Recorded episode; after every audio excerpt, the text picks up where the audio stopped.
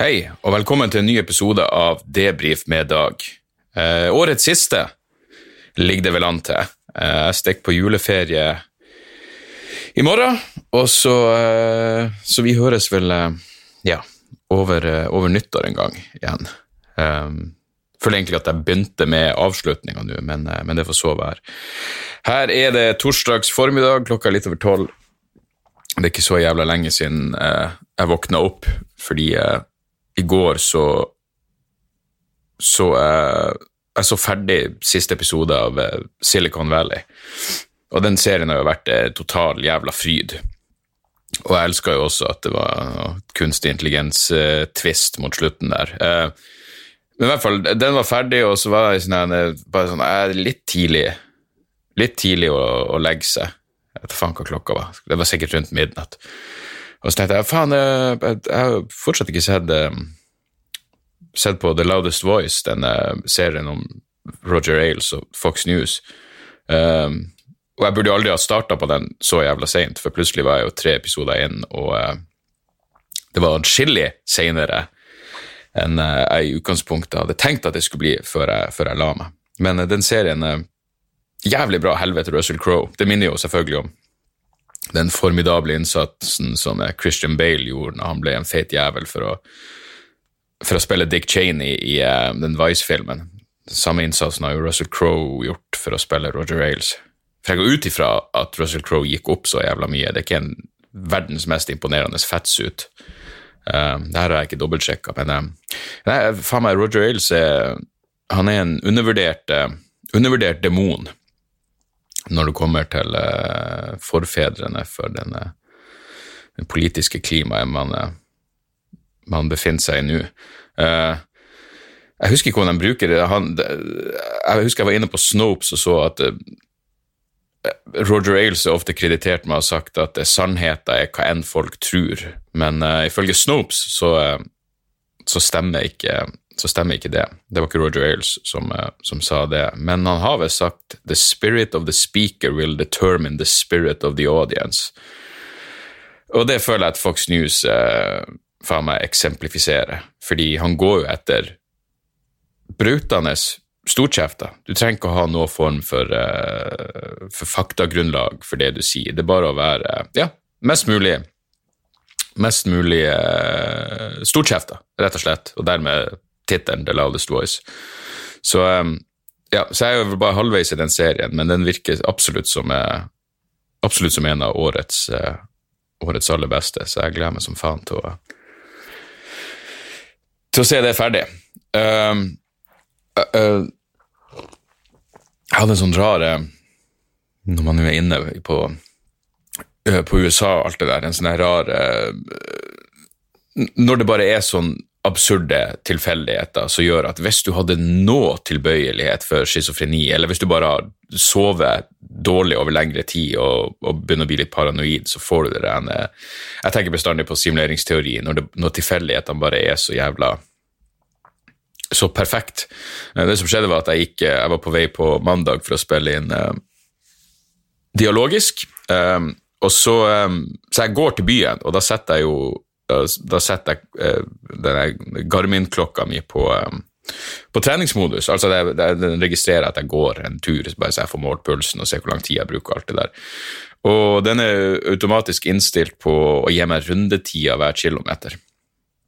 Så jeg går og hører på uh, Så da bryter den jo inn hva enn jeg hører på. Så jeg ikke hørte på en podkast fra The Intercepted som handler om det, det, er en film som jeg ikke har sett ennå, men som jeg absolutt skal sjekke på Amazon Prime, som heter The Report, tror jeg. Som handler om Jeg tror det var en eller annen senator som prøvde å uh, som, som, gikk ut offentlig og kritiserte torturprogrammet til Bush og CIA etter, etter 9-11-angrepene. Uansett, så jeg går og hører på det. Og akkurat når jeg kommer inn, jeg er i ferd med å nesten fremme der vi, er, der vi spiller inn podkasten, så jeg går og hører på det her, og det er tortur, og det er 11. september. Da kommer det, da bryter klokka inn og sier round five, 9-11. Og da fikk jeg antydning til frysning. Det var sånn oh, fuck, for ei jævla Hva er oddsen for at siste rundetida mi akkurat nå var 9 minutter og 11 sekunder? Selvfølgelig. En total tilfeldighet, men fortsatt en ganske morsom tilfeldighet. Det eneste andre øyeblikket jeg hatt eh, som var på akkurat samme måte Jeg vet ikke om jeg har nevnt det eksempelet før, men eh, da, da, husker jeg jeg hørte på eh, Hvor jeg virkelig bare tenker det her må være simulering. Noen fuckings driver og kødder med meg. Eh, da hadde jeg eh, hadde akkurat hørt på Og igjen, jeg vet at min- minnene er feilbarlig, feilbari, feilbarlig, feilbari, og uh, man, man burde ikke stole for mye på sin egen, eh, sin egen recollection av ting, men uh, akkurat i dette tilfellet så har jeg meldingen som er sendt, så jeg har gått tilbake og sett at det her faktisk stemte. Uh, men det som skjedde var at jeg hørte på Bill Burr sin podkast, det er mange år siden, hvor han plutselig prata om at Eller plutselig prata, han prata om at han hadde sittet på et fly, og så eh, hadde han fått beskjed om at det var noen med peanøttallergi på flyet. Så eh, ingen måtte spise peanøtter. Jeg føler at det her kanskje, i hvert fall la oss si det fem år siden, da, jeg hadde aldri hørt om det før. Jeg tror det blir litt vanligere nå. Men uansett, så jeg sitter og hører på det og tenker faen, jeg har flydd mye, jeg har aldri opplevd det. Og så, min neste flytur, bare noen dager senere, så skjer akkurat det. Og det er jo nok til å få litt sånn, oh, fuckings antydning til, igjen, antydning til frysning. For en rar tilfeldighet. Men her er det syke som jeg faktisk har eh, tekstmeldinga jeg sendte. Så hadde jeg vært ute på eh, jeg tror det var på Os og, eh, og hadde show, og så blir jeg kjørt tilbake til flyplassen av eh, Jon Heggeland, som er en, eh, en bergenskomiker, eller Os-komiker og uh, kjernekar. Um, og det var flere år igjen etter at Eller flere år, i hvert fall et år etter at jeg hadde hørt den Bill Burr-podkasten og den tilfeldigheten slo inn. Så vi kjører på vei ut til flyplassen, og formen min er jo skjelven og ikke all verden. Eh, relativt dehydrert. Og så forteller jeg han om det Bill Burr-greien, og så sier jeg det har bare skjedd den ene jævla gangen også. Jeg har flydd x antall ganger etter det, og det, det kun den ene gangen rett etter at Bill Burr nevnte det, så, så var det faktisk noen med peanøttallergi på flyet. Og dere ser jo hvor det her er på vei. Jeg setter meg ned på flyet, og det her skjer igjen. Eh, og jeg sender melding til Jon. Jeg bare skrev 'simuleringsteori', bare for å understreke hvor jævlig absurd det var. Eh, Men igjen, rare tilfeldigheter, men igjen sånne små sånne små krydder av tilfeldigheter som eh, som gjør livet verdt å leve. Um, jeg har skrevet ned et notat her hvor det bare står 'Jeg er ikke din jævla Google!' utropstegn. Og det her er rett og slett bare til de av dere som, som skriver. Og jeg vet ikke, er det bare er det latskap? Er det, er det at man søker kontakt? Er det bare det at man ikke tenker seg om? Det er jo mest sannsynlig det. Jeg skjønner, jeg skjønner at det mest sannsynlig bare er latskap. Men hvis jeg legger ut på Instagram at eh, serien World War II in Colors er fantastisk, med et bilde av Netflix-menyen, og du skriver til meg hvor jeg kan finne den, hvor kan jeg finne den serien, jeg har gitt deg all fuckings informasjon jeg kommer til å gi deg. Ok, Jeg vet at jeg tidligere har liksom nevnt serier og så har jeg nevnt hvilke channels dere kan finne på. Det er fordi dere hører på podkasten min. Dere er, dere er mitt folk. Um, men en, en eller annen fyr som bare følger meg på Instagram Jeg, jeg er ikke din fuckings Google! Jeg kan love deg, hvis du googler World War II in Colors dokumentar, så dukker det opp et eller annet, og mest sannsynlig så dukker det opp noe, en, en internettadresse som inkluderer netflix.com, og så får du bare ta det derifra. Og Hvis du ikke er i stand til å gjøre det, så, så er jeg overbevist om at du ikke har noe interesse for en jævla andre verdenskrig-dokumentar, selv om den er helt fantastisk og i farge. Så jeg er litt i sånn irritert eh, humør. Jeg er også småirritert humør fordi eh, jeg fikk en Eller irriterer, jeg vet ikke. Det, det, det er et eller annet Faen, altså. Noen amerikanere er så jævla fulle av seg sjøl.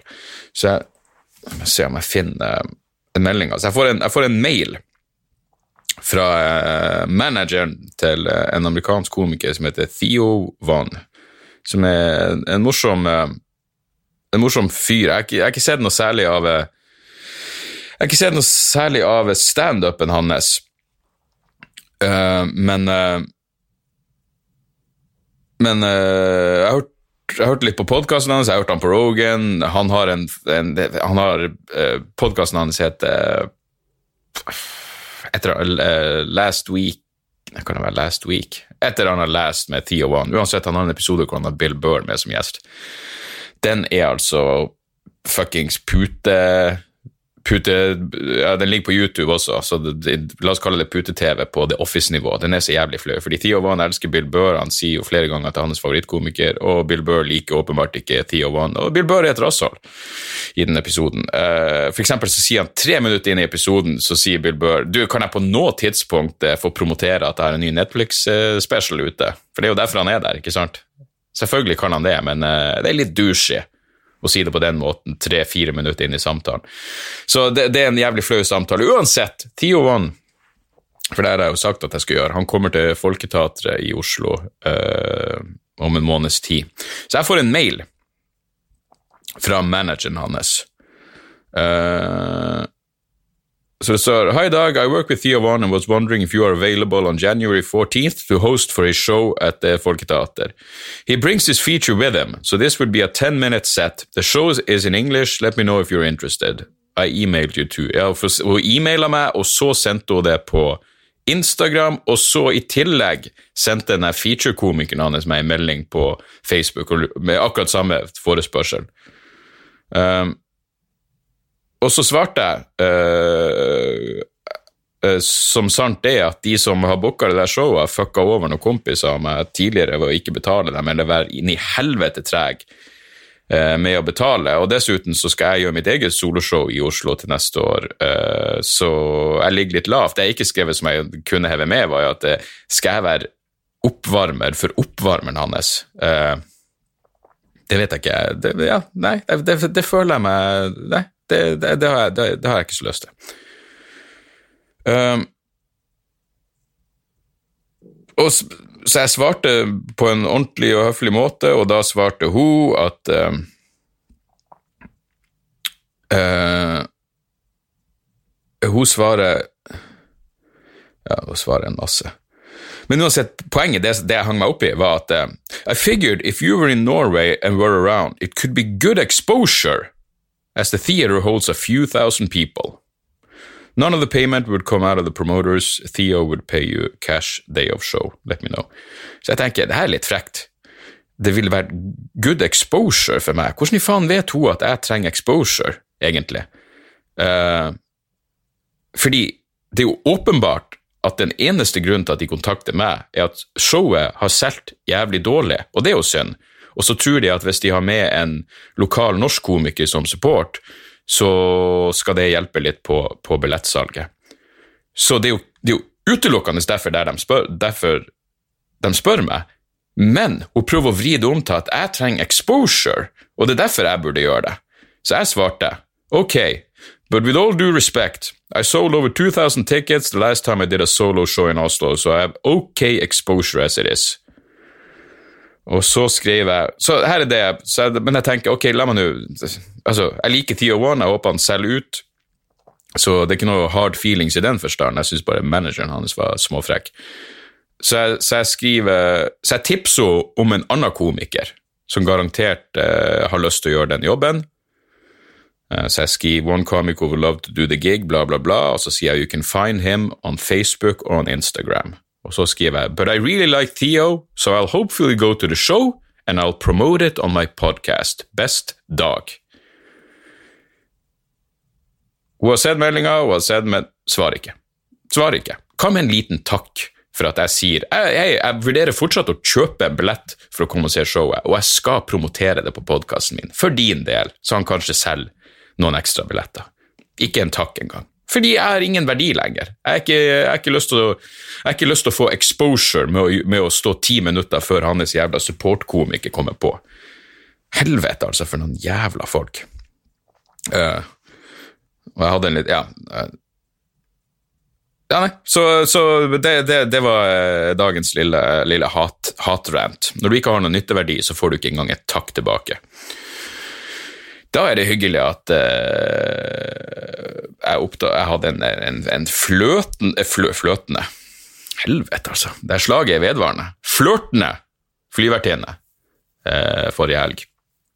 Nå skal det sies hun var også uh, sikkert rundt fem jeg håper å si 75, men hun var kanskje 65, i hvert fall 60. Hun var den, Du vet når noen bare er, imp har imponerende bra kropp til åpenbart å være så gammel, og blika hår, men men veldig, veldig mye rynker. Ser ut som Keith Richards i trynet. Uh, hun, uh, men hun var i strålende humør og superhyggelig. Virkelig sånn flyvertinne som bare er et unikum, og som du kun treffer på kanskje to ganger i året hvis du flyr jævlig mye. Men uansett, jeg var på vei til, til Tromsø for å gjøre årets eneste julebordsjobb. Um, og så Og så spør jeg skal vi se Ja, for jeg satt på Jeg hadde fått plussbillett, så da får du jo en snack og ei drikke. Så jeg sa jeg vil, ha, jeg vil ha en hvitvin, og så har dere polarbrød. Så sa hun nei, det har vi dessverre ikke, men jeg vet hva du skal ha. Og tenkte nå er jeg spent, og da ga hun meg noen nøtter som heter hot stuff. Jeg er ganske sikker på at det var hot stuff de heter, og jeg tenkte og her flørter faen meg med meg. Hvis faen flørter hun med meg, det er greit at hun er 85 og ser ut som Keith Richards, men den kroppen der, helvete, altså. Hun hadde fortsatt vært en fryd bakfra. Så det, det berga humøret mitt litt. Men det var så bra å se noen som bare er åpenbart i normalt godt humør. Hun passa virkelig til jobben sin. Hun var eh, Hun var dessuten på jeg vet det her var på vei til, på flyet til Kristiansand på lørdag, for hun var på det samme flyet på vei tilbake igjen. Og da fikk jeg ekstra ting. Jeg fikk vel eh, sikkert hvitvinen min Nei, jeg tror bare det var såpass tidlig på morgenen. Jeg tok eh, Cola Zero, og så fikk jeg nøtter og sjokolade og en ting til. Hun bare lessa på. Eh, så, så, hun likte jeg. Skål for den flørtende flyvertinna på 95. Kongedame! Kongedame. Jeg likte henne, likte hun veldig godt. Og den julebordsjobben i Tromsø var jo Den kan dere lese om i, i Tromsø spalten min på lørdag, fordi eh, avisa var interessert i om jeg hadde noe som var julerelatert å skrive om.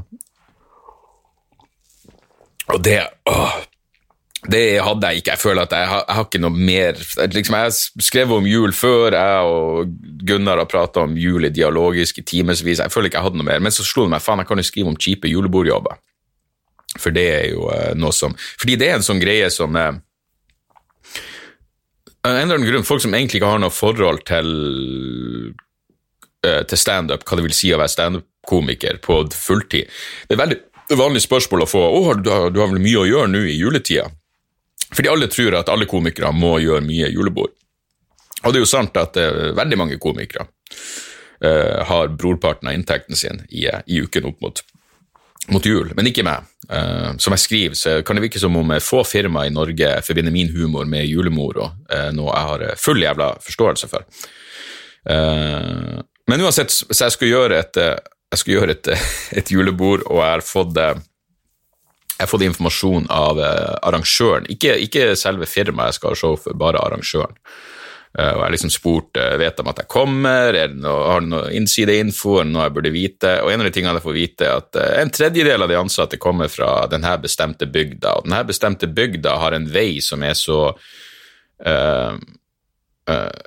Altså, de jobber i De bor Vent, hvordan i faen var det nå igjen? Hvordan i faen var det igjen? Jo, uansett, de kom fra denne bestemte bygda. En tredjedel av de ansatte kommer fra denne bestemte bygda. Uh, og, det, og de, de, har en veldig rasfarlig vei å kjøre, og bla, bla, bla. Så jeg, jeg skriver materiale om det. Um, og så hadde jeg googla litt også, så jeg hadde noe, heldigvis noe, noe backup med noen andre greier jeg kunne prate om, som var relevant i forhold til det de her folkene jobba med. Så jeg kommer nå på og starter litt og bla, bla, bla, og så spør jeg retorisk hey, er det noen her fra bla, bla, bla? Og uh, ingen. Ingen! Det viste seg, det stemte ikke i det hele tatt. Det var ikke en tredjedel som fuckings kom fra Nei, nei, nei. De, uh, de, var fra en helt annen plass og skjønte ikke hva i helvete jeg prata om. Så det ble jo, du blir jo litt satt ut. Det er jo sånn å ja, faen, da må jeg stryke de neste fem minuttene. Uh, I tillegg så var det så rart at salen var så delt. Venstresida fra, fra min side, altså høyresida av salen, de flirte som faen, storkoste seg. Høyresida, der var det De var liksom to grupper, og det var steinansikt hele veien. Det viste seg vel i ettertid at de ikke snakka norsk. Uh, som hadde vært igjen, greit å vite på forhånd. Jeg kunne jo gjort det på engelsk, uh, og ikke nevnt den bygda som ingen kom ifra. Men det var årets eneste julebord, og kanskje det var like jævla greit. Um, så hadde jeg planlagt noen, uh, noen pils med en kompis etterpå. Uh, men jeg var jo i, i, dårlig humør, så jeg sendte sånn uh, jeg sendte bare, Vi hadde bare en avtale om å prates etter showet, og så sendte jeg en melding som var sånn hey, du, du, vet når du hinter så hardt du kan på at du egentlig bare har lyst til å gå tilbake på hotellrommet, så jeg skrev noe sånt som uh, Forblir du rolig i kveld? spørsmålstegn. Jeg er ikke akkurat uh, proppfull av adrenalin etter denne semiflystyrten av et show. Og så hører jeg ikke noe. Uh, og Jeg tenker jeg burde bare ringe han og spørre hva han gjør, men samtidig la meg bare vente. Og Så går det en time, og så får jeg melding om at han hadde krasja på sofaen etter to uh, flasker hvitvin, og beklager alt det der. Og jeg bare Null stress! Null stress. Det var absolutt like greit. Jeg var allerede tilbake på, på hotellrommet. For jeg hadde også jævla tidlig avgang eh, dagen etterpå. Dagen etterpå så var det ut til Vennesla. Litt eh, logistikk, mye, mye fly eh, for å komme seg fra Tromsø til Kristiansand og så videre til, til Vennesla. Men det gikk nå fint. Alt går fint når man har så hyggelig flyvertinne, ikke sant?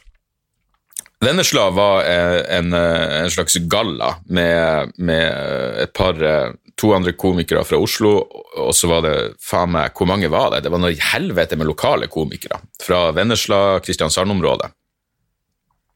Og så var det ute i et telt, et svært jævla, svært jævla telt, og med svært så mener jeg også avlangt. Sykt langt telt.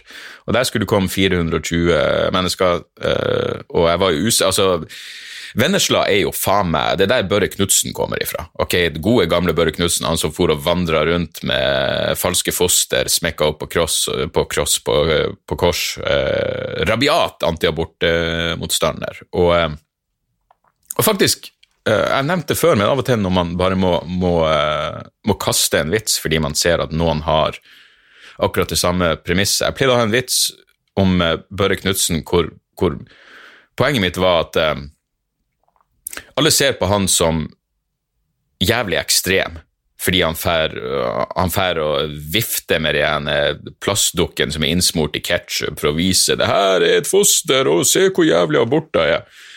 Hvor vitsen min var at han er, han er ikke ekstrem nok. Jeg mener, hvis du, hvis du, oppriktig mener at abort er drap, så er jo det å drepe abortleger og sprenge abortklinikker det eneste logiske uh, Det eneste logiske eh, svaret, på mange måter. I hvert fall moralsk sett så burde du gjøre atskillig mer enn å gå og vifte på, på plastdukker og bare si 'Å, de dreper barn, ikke det er forferdelig?' Nei, du burde faen meg gå atskillig hardere til verks. Det var liksom poenget med vitsen min. Og så eh, hørte jeg at eh, hva faen heter han? Pete Johansen, tror jeg. En uh, kanadisk komiker som er veldig flink. Jeg så et eller annet med han, tror jeg, på, på, på Netflix eller noe. Uh, og så hadde han akkurat eh, så Han prata selvfølgelig ikke om fuckings Børre Knutsen, men han prata om at hvis du mener at abort er drap, så burde du gjøre mer enn å bare si at du er mot abort. Og da er det sånn, ok, fuck, da må jeg bare kaste den jævla vitsen. Sånn er det bare. Uansett, eh, Børre Knutsen er derifra, eh, partiet Demokratene, du vet de som er brøyt ut av Fremskrittspartiet fordi Fremskrittspartiet var altfor de, de er jo kommunister i forhold til demokratene bare de mest høyrevridde Frp-erne, danna demokratene, de fikk en 5% oppslutning. Så jeg tenker, det her er og det er jo bibelbeltet der. Så, eh, så, jeg var litt spent på hvordan eh, publikum eh, kom til å være. Men det var jo og så, så, vi, så vi kommer ut av det teltet da i Vennesla, og så skal vi jo få mat, men da er det sånne food trucks der. Uh, uh, og når vi går for å se hva de forskjellige foodtruckene har av mat, så er det en som roper 'Hei, Dag!' Og så går jeg bort til hans truck, og han serverte eh, vaffelsandwich. Og så var han så insisterende på at jeg måtte prøve den vaffelsandwichen. Det høres ut som en forferdelig idé og en forferdelig kombinasjon med vaffel med noe kjøttpålegg og noe eh, Hva faen det var, tomat og løk og noe fetaost. Men han var sånn Ja, nei, men det er fordi du forventer ikke at det skal funke så bra. Så jeg var sånn Hei, fuck it, la oss kjøre på med en vaffelsandwich. Og det var Det smakte sånn som du egentlig forventer en vaffelsandwich eh, skal smake. Så jeg husker jeg åpna med, med det, fordi, fordi, her er greia, de folkene var Det var så inn i helvete mye bråk. Og det var åpenbart at det er ingenting du kan gjøre for å roe dem ned. Folk sitter og prater, for ikke bare var, var, var, teltet stort og avlangt. I tillegg så var det stilt opp sånn at folk satt ved bord, men de satt mot hverandre. Altså Ingen satt mot scenen, alle satt på bord på langs mot hverandre, og alle så på hverandre. Og jeg tenker ok, det her showet blir å vare i 1 time og 45 minutter, det er faen meg en million komikere som skal på, jeg skal sist på. Uh, de er full, de er snakkesalige, det, det her kommer til å bise inn i helvete mye bråk. Og selvfølgelig, selvfølgelig eh, gjorde det det. Så jeg bestemte meg for at her er å Her må, må, må man bare prøve å underholde seg sjøl, så jeg, jeg bøtta nedpå med både hvitvin og pils og, og hva enn jeg hadde på lommelerka. Og så, eh, og så bestemte jeg for her må jeg bare være høylytt og rett på sak. Og det funka overraskende bra. Jeg gjorde mine kontraktfester 20 minutter, og jeg kosa meg faktisk.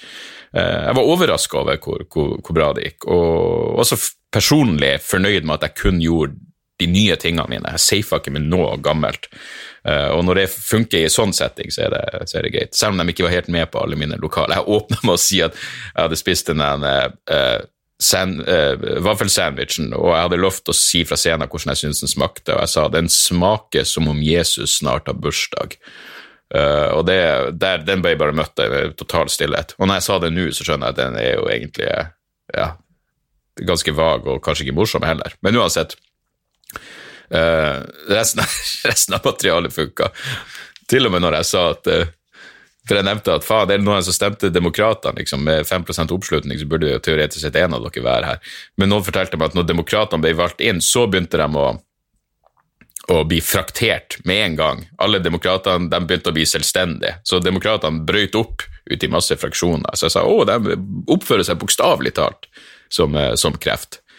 Sprer seg som, eh, som kreft. Men eh, det, det var i hvert fall Det var gøy. Det var good times uh, i Vennesla. Og så var det tilbake til Kristiansand, der vi bodde, og så var det Så var det hjem.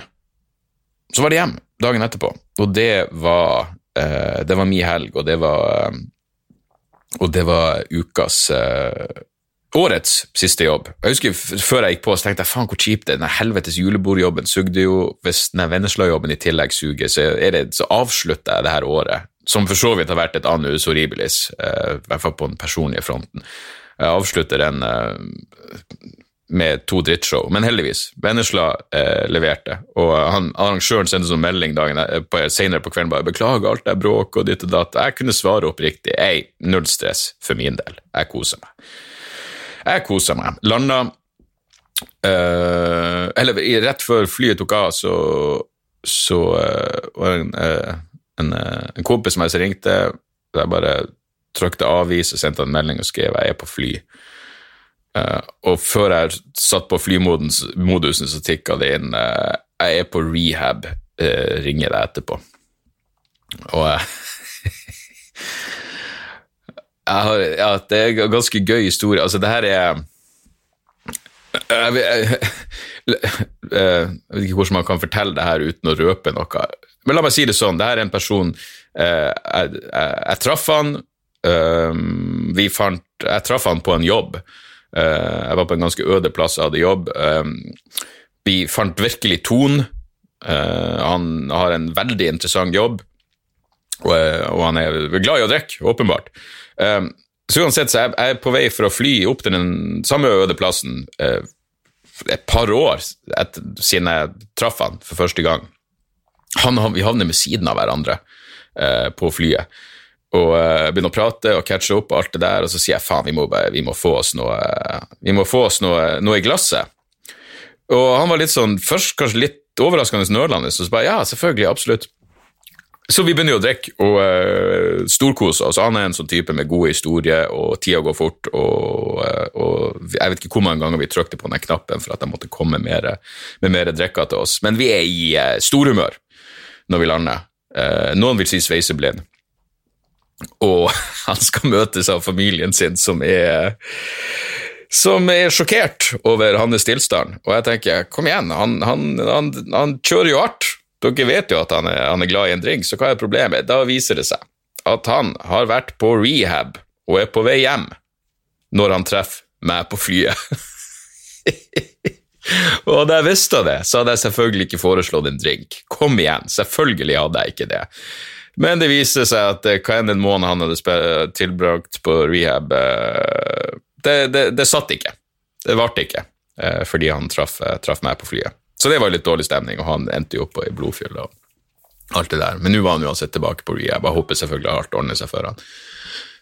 Selvfølgelig gjør jeg det. Og, men han hadde noe åh, Det er problemet med å ikke kunne si navn, men han, han hadde havna på rom med noen noen interessante og ganske kjente mennesker. Men allerede høsla og deala og eh, Ja, uansett. Sånn er det. Rehab-kompisen din. Faen for en kjernekar. Faen så, eh, så, så, mye mer interessant livet blir bare av å, av å kjenne sånne folk. Jeg husker jeg prata med han en gang, så, han bare sagt, så ringte han meg fra, fra fucking Sør-Amerika en plass hvor han bare hadde våkna opp med total angst, med ei prostituert på hotellrommet, og bare storma ut, og så hadde han mangla Jeg husker ikke om han mangla penger til å betale taxien, så han hadde prøvd å overtale taxisjåføren til at det ligger ei prostituert på rommet som har fått mer enn nok betalt til at du kan eh, du kan eh, få en bonusrunde der, og så er vi skuls for denne taxituren. så han ringer meg på veien for å tro om noen gode måter å overtale taxisjåføren til å ta den betaling, og jeg er sånn fuck, tidssonen gjør at det her er klokka seks på morgenen, og jeg, jeg, klarer ikke å tenke så strategisk akkurat nå, men uh, nydelig fyr, og måtte alt ordne seg for han. Uh, ja, la oss uh, dra det her i land med, med et par et par mailer. Joakim, skriv bokanbefaling. Om du leser opp, kjør anonymt eller fornavn, samme. Hei, Dag. Jeg sa Joakim. Vi er innenfor. Hei, Dag. Dundra gjennom samtlige av podkastene dine i sommer og har hekta meg på den videre utviklinga deretter. Det virker som du koser deg med hver episode, og det er en fryd å høre på. Det går ikke en reisestrekning uten at det er forhånds laster det antallet episoder jeg trenger for å fylle tida, og med tanke på hvor oppmerksomhetssvekka jeg har blitt lineært med smarttelefonutviklinga, tenker jeg at det er et kvalitetstegn i din favør. Jeg vil anbefale en bok jeg har slept meg gjennom de siste årene, som jeg tror kan funke som et verktøy til den informasjonsflaten du allerede befinner deg på. Boka heter Tyranny of Words av Stuart Chase, og presenterer forskjellige teorier om hvordan spesielt politisk tale kan tolkes og forstås. The map is not the territory-type tankegang. Så jeg ser for meg at du har hatt det moro med den. Eh, personlig gjorde den Arendalsdebatten til eh, en humoristisk begivenhet og kunne skvise noen ekstra lavterskel lols ut av en arena hvor Kjell, Kjell Ingolf Ropstad mener ting Sorry, nå datt jeg ut, for jeg fikk noe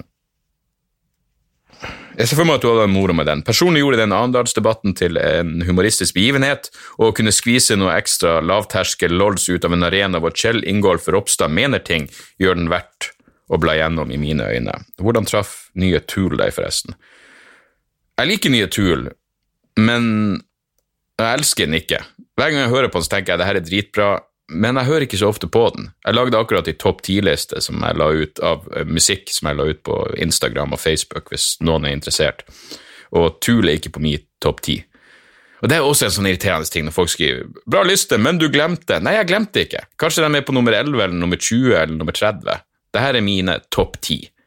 Uh, og det blir jo en dagsfølelsegreie. Den vil ikke, den vil ikke se likens ut i dag. Men uh, min nummer én var Cult of Luna, og min nummer to var Nick Waterhouse. Uh, så um, ja, det viser vel at, at lista, om ikke annet, er, er variert.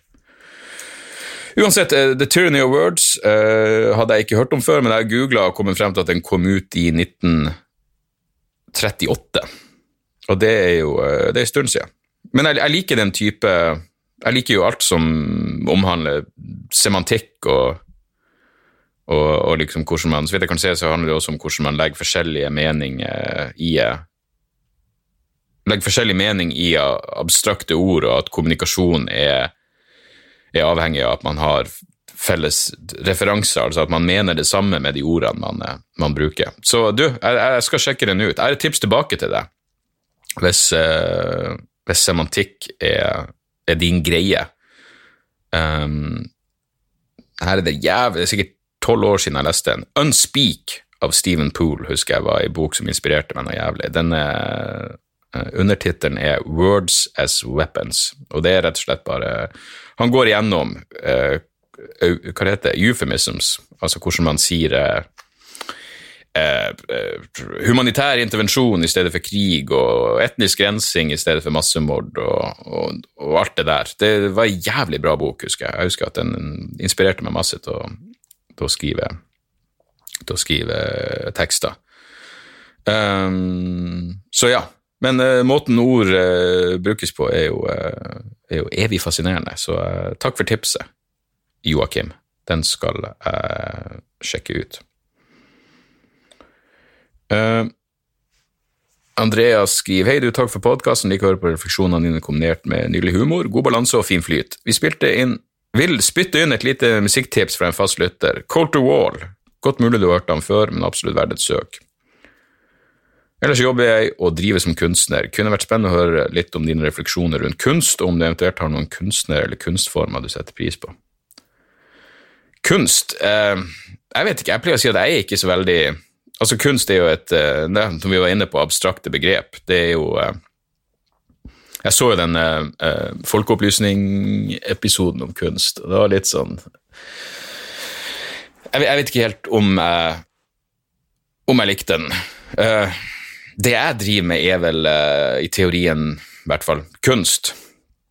Så om det er noen kunstform jeg setter pris på Jeg mener, alle mine tatoveringer jeg tror faktisk alle er basert på noe HR Geiger, eller Giger, jeg er ikke helt sikker, han var vel fra, fra Sveits, jeg vet ikke helt hvordan man uttaler det, men han, det var han som lagde Alien-figurene, blant annet, det er vel det han er mest kjent for. men uh, han har jo alle de biomech-bildene. og ja, Han er uh, fantastisk kunstner, og jeg har både plakater av han, og jeg har en figur av han uh, hjemme. Så han, han, han digger jeg. Uh, jeg kjøpte akkurat et maleri av um, det er bandet som heter Blood Incantation. Skal vi se hva han heter Roger um, ja, uh, Uansett, det er band som heter Blood Incantation, uh, og den nye skiva deres heter Hidden History of the Human uh, Race. Um, og så tenkte jeg bare faen Og den skiva er dritfet. Det kan godt hende den ville komme på topp ti etter hvert. Jeg har bare ikke kommet tilstrekkelig nok inn i den. Uh, men uansett, hvis dere, hvis dere bare, bare, googler Blood Incantation, Hidden History of the Human Race, og så får dere opp det coveret. Det coveret er, det er et maleri av Roger et eller annet. Men jeg digga det maleriet, så jeg bestilte det. Jeg fant det på, på eller annen Artist uh, eh, COUK. Um, det er sånn trippy, uh, utenomjordisk uh, figurtype med noe Ja, så, så ja, så i den forstand så liker jeg vel kunst, men kunst er abstrakt. Og, og det her er, når du skriver 'ellers jobber jeg og driver som kunstner', du minner meg om en vits av Doug Stanhope hvor han bare sier det er så jævlig irriterende når folk sier 'I'm an artist', for da må du stille oppfølgingsspørsmålet 'Å ja, hvilken type jævla kunstner er du egentlig?' Det vil jeg gjerne ha svar på, Andreas. Men, uh, men ja, hvilken kunstform jeg setter pris på? Vel, i den forstand så lever jeg jo for kunstform. Jeg, jeg, elsker jo musikk, jeg elsker bøker, jeg elsker film, jeg elsker TV-serier, jeg elsker, jeg elsker standup. Uh, så um, ikke noen stor fan av slempoesi. Men, uh, men uansett, Colter Wall er jo en av mine favoritter. Jeg husker når han kom til da han kom, Altså, den, den første EP-en hans uh, er jo faen meg uh, Ja, en, en, en, en terningkast uh, seks. Så syns jeg jo også det er Den heter Imaginary Appalachia.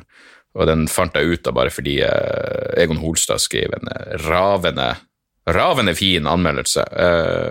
fantastisk EP. Og så syns jeg dessverre at selv om det han har gitt ut, har vært kvalitet, så syns jeg det har blitt mindre og mindre bra. Uh, og Sist gang jeg så han live, så gikk jeg før han var ferdig. Første gang han kom til Oslo, så så jeg han begge gangene på én kveld. Jeg kom meg inn på begge showene på Mono, det var helt fantastisk.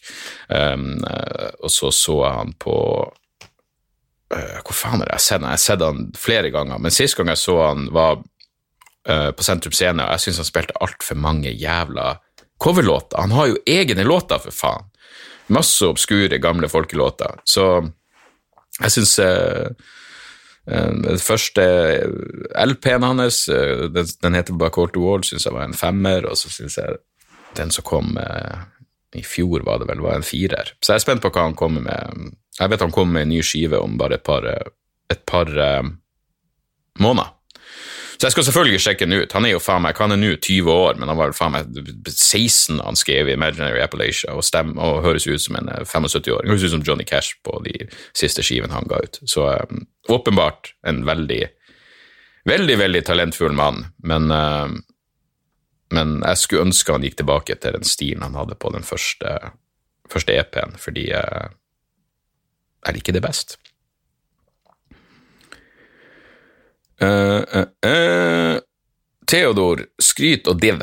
Hei, vil bare takke for tipset i forrige episode om den debatten på Kulturhuset. Kasta meg rundt og meldte meg på umiddelbart. Du var som vanlig skråstrek forventa både morsom og reflektert, og følte i det minste og følte det i det minste stort sett var en interessant diskusjon dere imellom. Holdt på å fnise meg i hjel av hun som ikke skjønte at du allerede hadde svart utdypende på spørsmålet hennes. Hvordan følte du selv det gikk? Um, Kondolerer med jula til både deg og alle andre, og håper den blir så lite ubedriten som mulig. Uh, jeg har skrevet også PS Chop, plugging av band du kan finne på å like. Sepulchral Curse. Kjenner ene gitaristen og liker godt det de gjør, til tross for at jeg ikke er noen stor fan av black metal generelt. Um, uh, for faen, debatten på Kulturhuset, ja, var jo uh, Jeg kosa meg. Det, det, var kort fortalt uh, som inviterte til debatt om har humoren et ytringsansvar. Og det var jo faen meg stappfullt. Det var uh, Tore Sagen, Jonas Støme og meg. Uh, selvfølgelig med utgangspunkt i den uh, famøse neg såkalte negersketsjen og flauhetskonkurransen som Tore Sagen hadde på Radioresepsjonen. Men det var jo en litt mer utdypende debatt om humor, humor generelt. Jeg, jeg kosa meg. Jeg prøvde å sprite det opp med litt, litt vitser også. Så um, ja, nei, jeg, jeg syns det var interessant. Hvis noen vil se den, så ligger den den ligger online. Uh, hvis du går på Civitas i Facebook-side, så ligger hele Vi prater vel faen meg en og en halv time. Uh, og uh, Ja, nei, det var, det var, interessant. Altså, det er jo bestandig en fare det, det, en Jeg liker jo å prate, og jeg har jo absolutt synspunkt på, på spørsmål rundt humor, men men det er akkurat så det er en fare for at det drar litt av gleden ut av det. Du begynner nesten å overtenke det du sjøl holder på med. Og Nå husker ikke jeg Du skriver holdt på å fnise meg i hjel av hun som ikke skjønte at du allerede hadde svart utdypende på spørsmålet hennes. Altså det det syns jeg ikke hun har noe kritikk for, skal ha noe kritikk for. Fordi jeg vet at selv om jeg det her er helt sant, selv om jeg er vant til å stå på scenen og prate og jeg kan være med på en sånn debatt og det gjør meg ingenting Hvis jeg er i publikum på en debatt og skal stille et spørsmål, så, så blir jeg litt nervøs først. Uh, det, det, har skjedd et par ganger.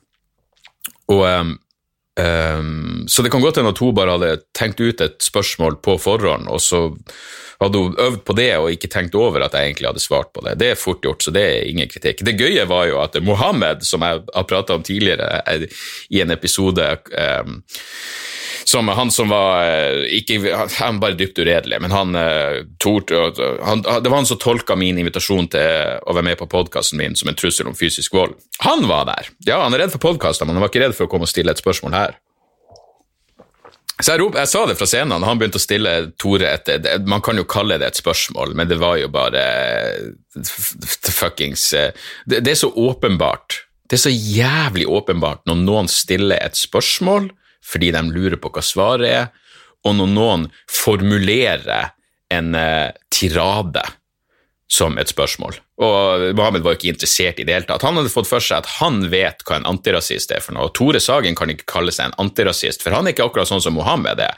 Og antirasisme det innebærer noe veldig spesifikt som Mohammed har definert. Fordi han har retten til å definere hva antirasisme er. en eller annen grunn. Men uansett, når han begynte å prate, så sa jeg det fra scenen. Er ikke du han som ikke ville komme på, på podkasten min? Hyggelig å treffe deg.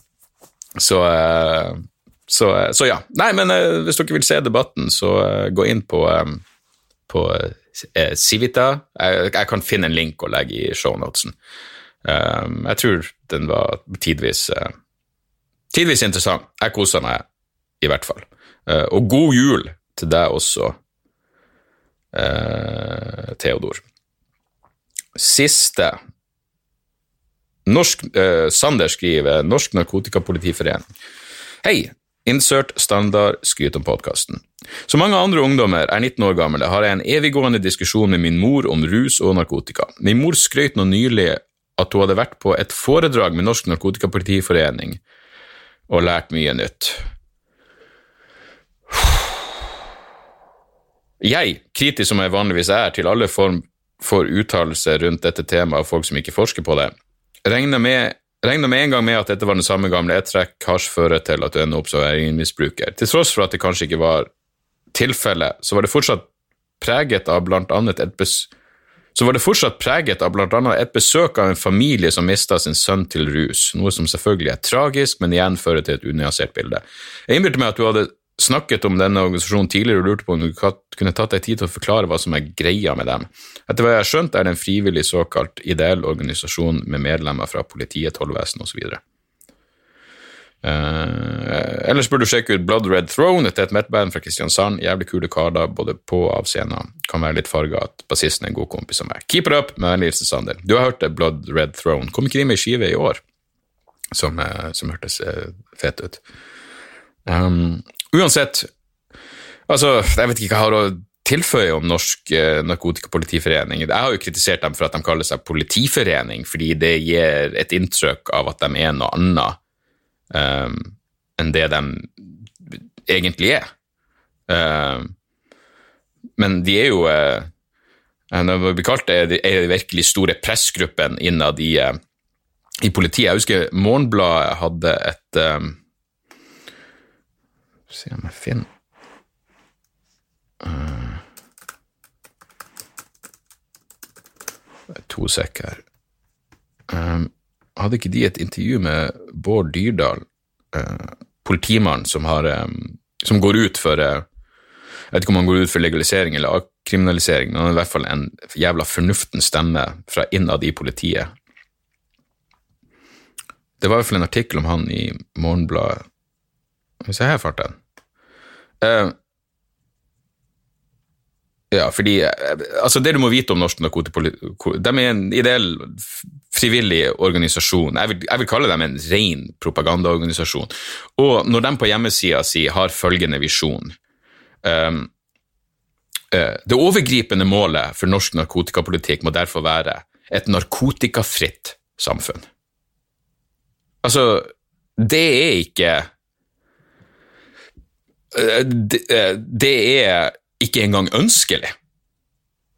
Da må du jo spørre dem. Å, så ingen alkohol, ingen kaffe engang. Um, det, det, er så jævla latterlig. Det er så forbanna latterlig, og akkurat like realistisk som et, eh, et sexfritt samfunn. Um, et fortsatt forbud mot bruk av narkotika er derfor det viktigste virkemidlet for å unngå at kommende generasjoner får problemer med narkotika. Altså, det er så forbanna jævla unyansert, urealistisk og jeg vil si barnslig og propagandistisk. Men her, er, her var eksempelet fra, fra den artikkelen. Jeg vet ikke hvem eh, La, Larsson, jeg er ikke helt sikker på hvem det er. Larsson forteller en historie for å illustrere Norsk Narkotikapolitiforenings ståsted. For snart ti år siden inviterte han amerikaneren Jack Cole til Norge. Cole jobbet som narkotikaetterforsker i politiet i USA, før han stiftet Law Enforcement Against Prohibition, en organisasjon for politifolk som ønsker oppmykning av narkotikapolitikken. Larsson forteller at rektoren ved Politihøgskolen insisterte på at han skulle invitere Norsk Narkotikapolitiforening fordi de var de viktigste på feltet. Og daværende leder for NNPF dukket opp på foredraget hvor hun tok ordet og skjelte ut Cole på norsk. Som møteleder sa at jeg kunne oversette så Cole kunne svare, men hun sa nei. Jeg ble satt ut. Hva gjør jeg i en sånn situasjon? Det var fryktelig ubehagelig, sier Larsson, som mener Norsk Narkotikapolitiforening er kjent for å bruke så tøffe metoder og hersketeknikker at folk unngår å få problemer med dem. Etterpå sa Cole, som kom fra USA, at han aldri i sitt liv hadde opplevd maken. Ja, så uh, det, det, jeg føler at det sier eh, det meste om den organisasjonen. Og eh, jeg kommer til å Jeg har ikke skrevet noen vitser om det ennå, men, men, men, men, altså Det at vi nå har et politisk politi i Norge som legger seg opp i De har, de har faen ikke eh, De skal ikke uttale seg om norsk De skal håndheve de lovene de får beskjed om å håndheve. Så enkelt er det faen meg. Så det her kommer jeg tilbake til. Men, men takk for mailen. Zanderboy, og uh, god jul og alt det der. Du, jeg tror um, det var det vi rakk. Jeg er nødt til å pakke. Og vi er faen meg oppe i 50 minutter. Det er lov å ta en litt lengre episode når det er, når det er siste før jul. Tips! Tips, for helvete. Fikk omsider lest ferdig Civilized to Death av Chris Ryan. Uh, kongebok anbefales på uh, anbefales på det varmeste. Altså, Kort fortalt så handler den jo bare om at hvordan det moderne samfunnet og, og såkalt fremgang perverterer vår levemåte når det kommer til alt fra, fra sex og samliv, til, til, barneoppdragelse, til utdanning, til konfliktløsning, til arbeid, ikke minst, til og med hvordan vi dør. Og selv om han eh, tidvis virker som han lengter tilbake til Jeg er litt for glad i all komforten som det moderne samfunnet gir meg, til at jeg vil tilbake til noe, til noe sanker-jegersamfunn. Men han har jævlig mange gode poeng, og det er virkelig en bok som Den er lettlest, men den får deg til å tenke. Um, og han har noen, han har noen, noen sånne enkle one-linere som bare fester seg i hodet sitt. sånn som, Jeg vet ikke om han skriver det i boka, men han har i hvert fall sagt det. For han har også en podkast som heter Tangently Speaking, som er verdt å høre på. Hvor han bare sier liksom, med hensyn til hva er menneskets natur, liksom, og, og, i forhold til krig og alt det, så sier han ingen har fått posttraumatisk stressyndrom etter å ha hjulpet ei gammel dame over veien. Og det, det stemmer. Så Civilized to Death, uh, den heter Civilized to Death, The Price of Progress av Christopher Ryan, kan virkelig Det er en julelektyre du burde ta inn over deg, og det er også en type bok som bare gir meg lyst til å lyst til å skrive fuckings materiale. Uh, og han har herlig kritikk av, av, av, av uh, Steven Pinker og denne, det han kaller um, Hva kaller han dem? De har en notion of perpetual progress. Eh, liksom at det, at det, nesten er en slags determinisme i historien som gjør at ting blir bedre og bedre. Og Det er faktisk en interessant kritikk, fordi uh, Chris Ryan sitt, sitt, argument er at uh, Steven Pinker uh, fremstiller hva på å si, på å si jeger-sankesamfunn som adskillig mer voldelig enn de egentlig var, og at det er bevisst um, bevisst feiltolkning av, eh, av, data for å fremme eh, en politisk ideologi. Og faktisk i Aftenposten i dag så er det en eh, kronikk som heter 'Blir verden eh, egentlig fredeligere?' Ikke alle forskere er overbevist om at større kriger mellom land virkelig er noe som tilhører fortida, og der, der kritiserer de blant annet Steven Pinker. Eh, de skriver et av hovedargumentene til Pinker samt andre prominente forskere er at verden etter andre verdenskrig ikke har opplevd en eneste krig mellom de største toneangivende landene, de som oftest omtales som great powers. Det betyr ikke at verden ikke har sett større uh, konflikt. Altså prater de om at uh, Steven Pinker undervurderer uh, de tilfeldighetene som krig fører med seg, og hvor fort en krig kan eskalere, og hvor stor sjansen er for at en krig som koster 100 000 liv, utvikler seg til å koste en million liv. Så um, ja, verdt å lese. Uh, hva mer? Ja, det var, det var uh, boktipset. Uh, 'Civilized to Death' av Chris Ryan. Uh, jeg har allerede nevnt World War II in Colors på Netflix. Helvete. Det er noe med å se andre verdenskrig-bilder i farger som gjør at det føles nærmere, og det å se Hitler i farger Jeg vet ikke om han hadde så svarte øyne som det virker som der, men um, det, det, jeg, har, jeg, har, ikke sett det hele, men det er liksom store Det begynner med blitskrigen, uh, og da er det jo um, uh, jævlig interessant at de har med han uh, Norm, Norman Oler, som skrev Fordi de nevner at en del av det som gjorde blitskrigen til nazistene så effektive, er at de var fucking speeda, hele gjengen. Eh, og da er Norman Oler som skriver bok som heter Blitzt, som handler om eh, nazistene, inkludert Hitler, eh, sitt bruk av amfetamin for å bare holde ut lengre i, i Så Jeg tror de har et eksempel på at franskmennene trodde det ville ta tyskerne to uker å komme seg fra A til B, og så tok det tre dager, fordi de sov jo faen ikke. De, de var speeda. Så World War II in Colors er verdt å sjekke. Jeg så Marriage Story med Scarlett Johansen.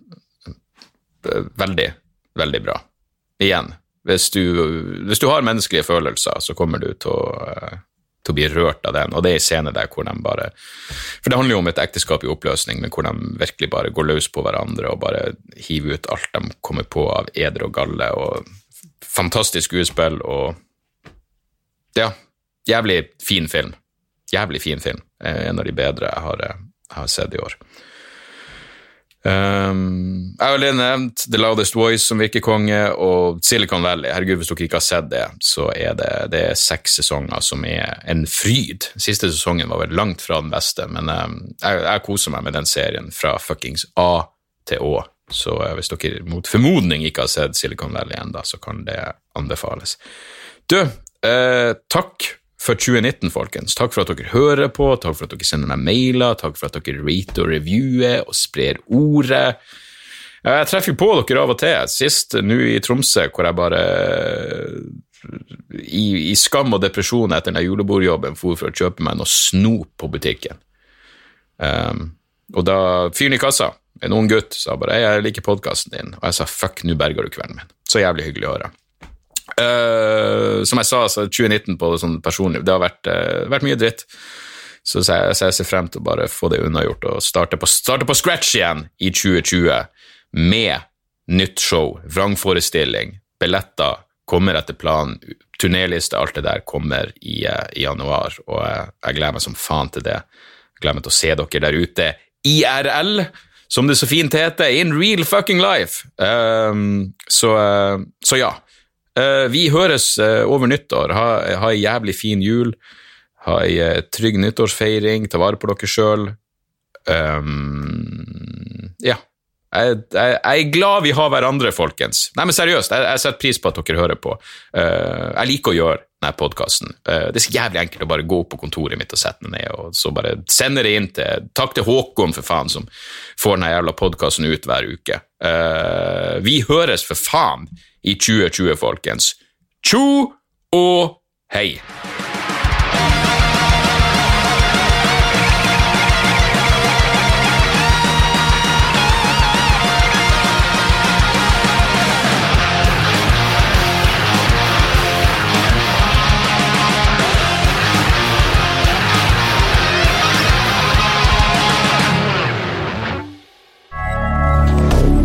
moderne media.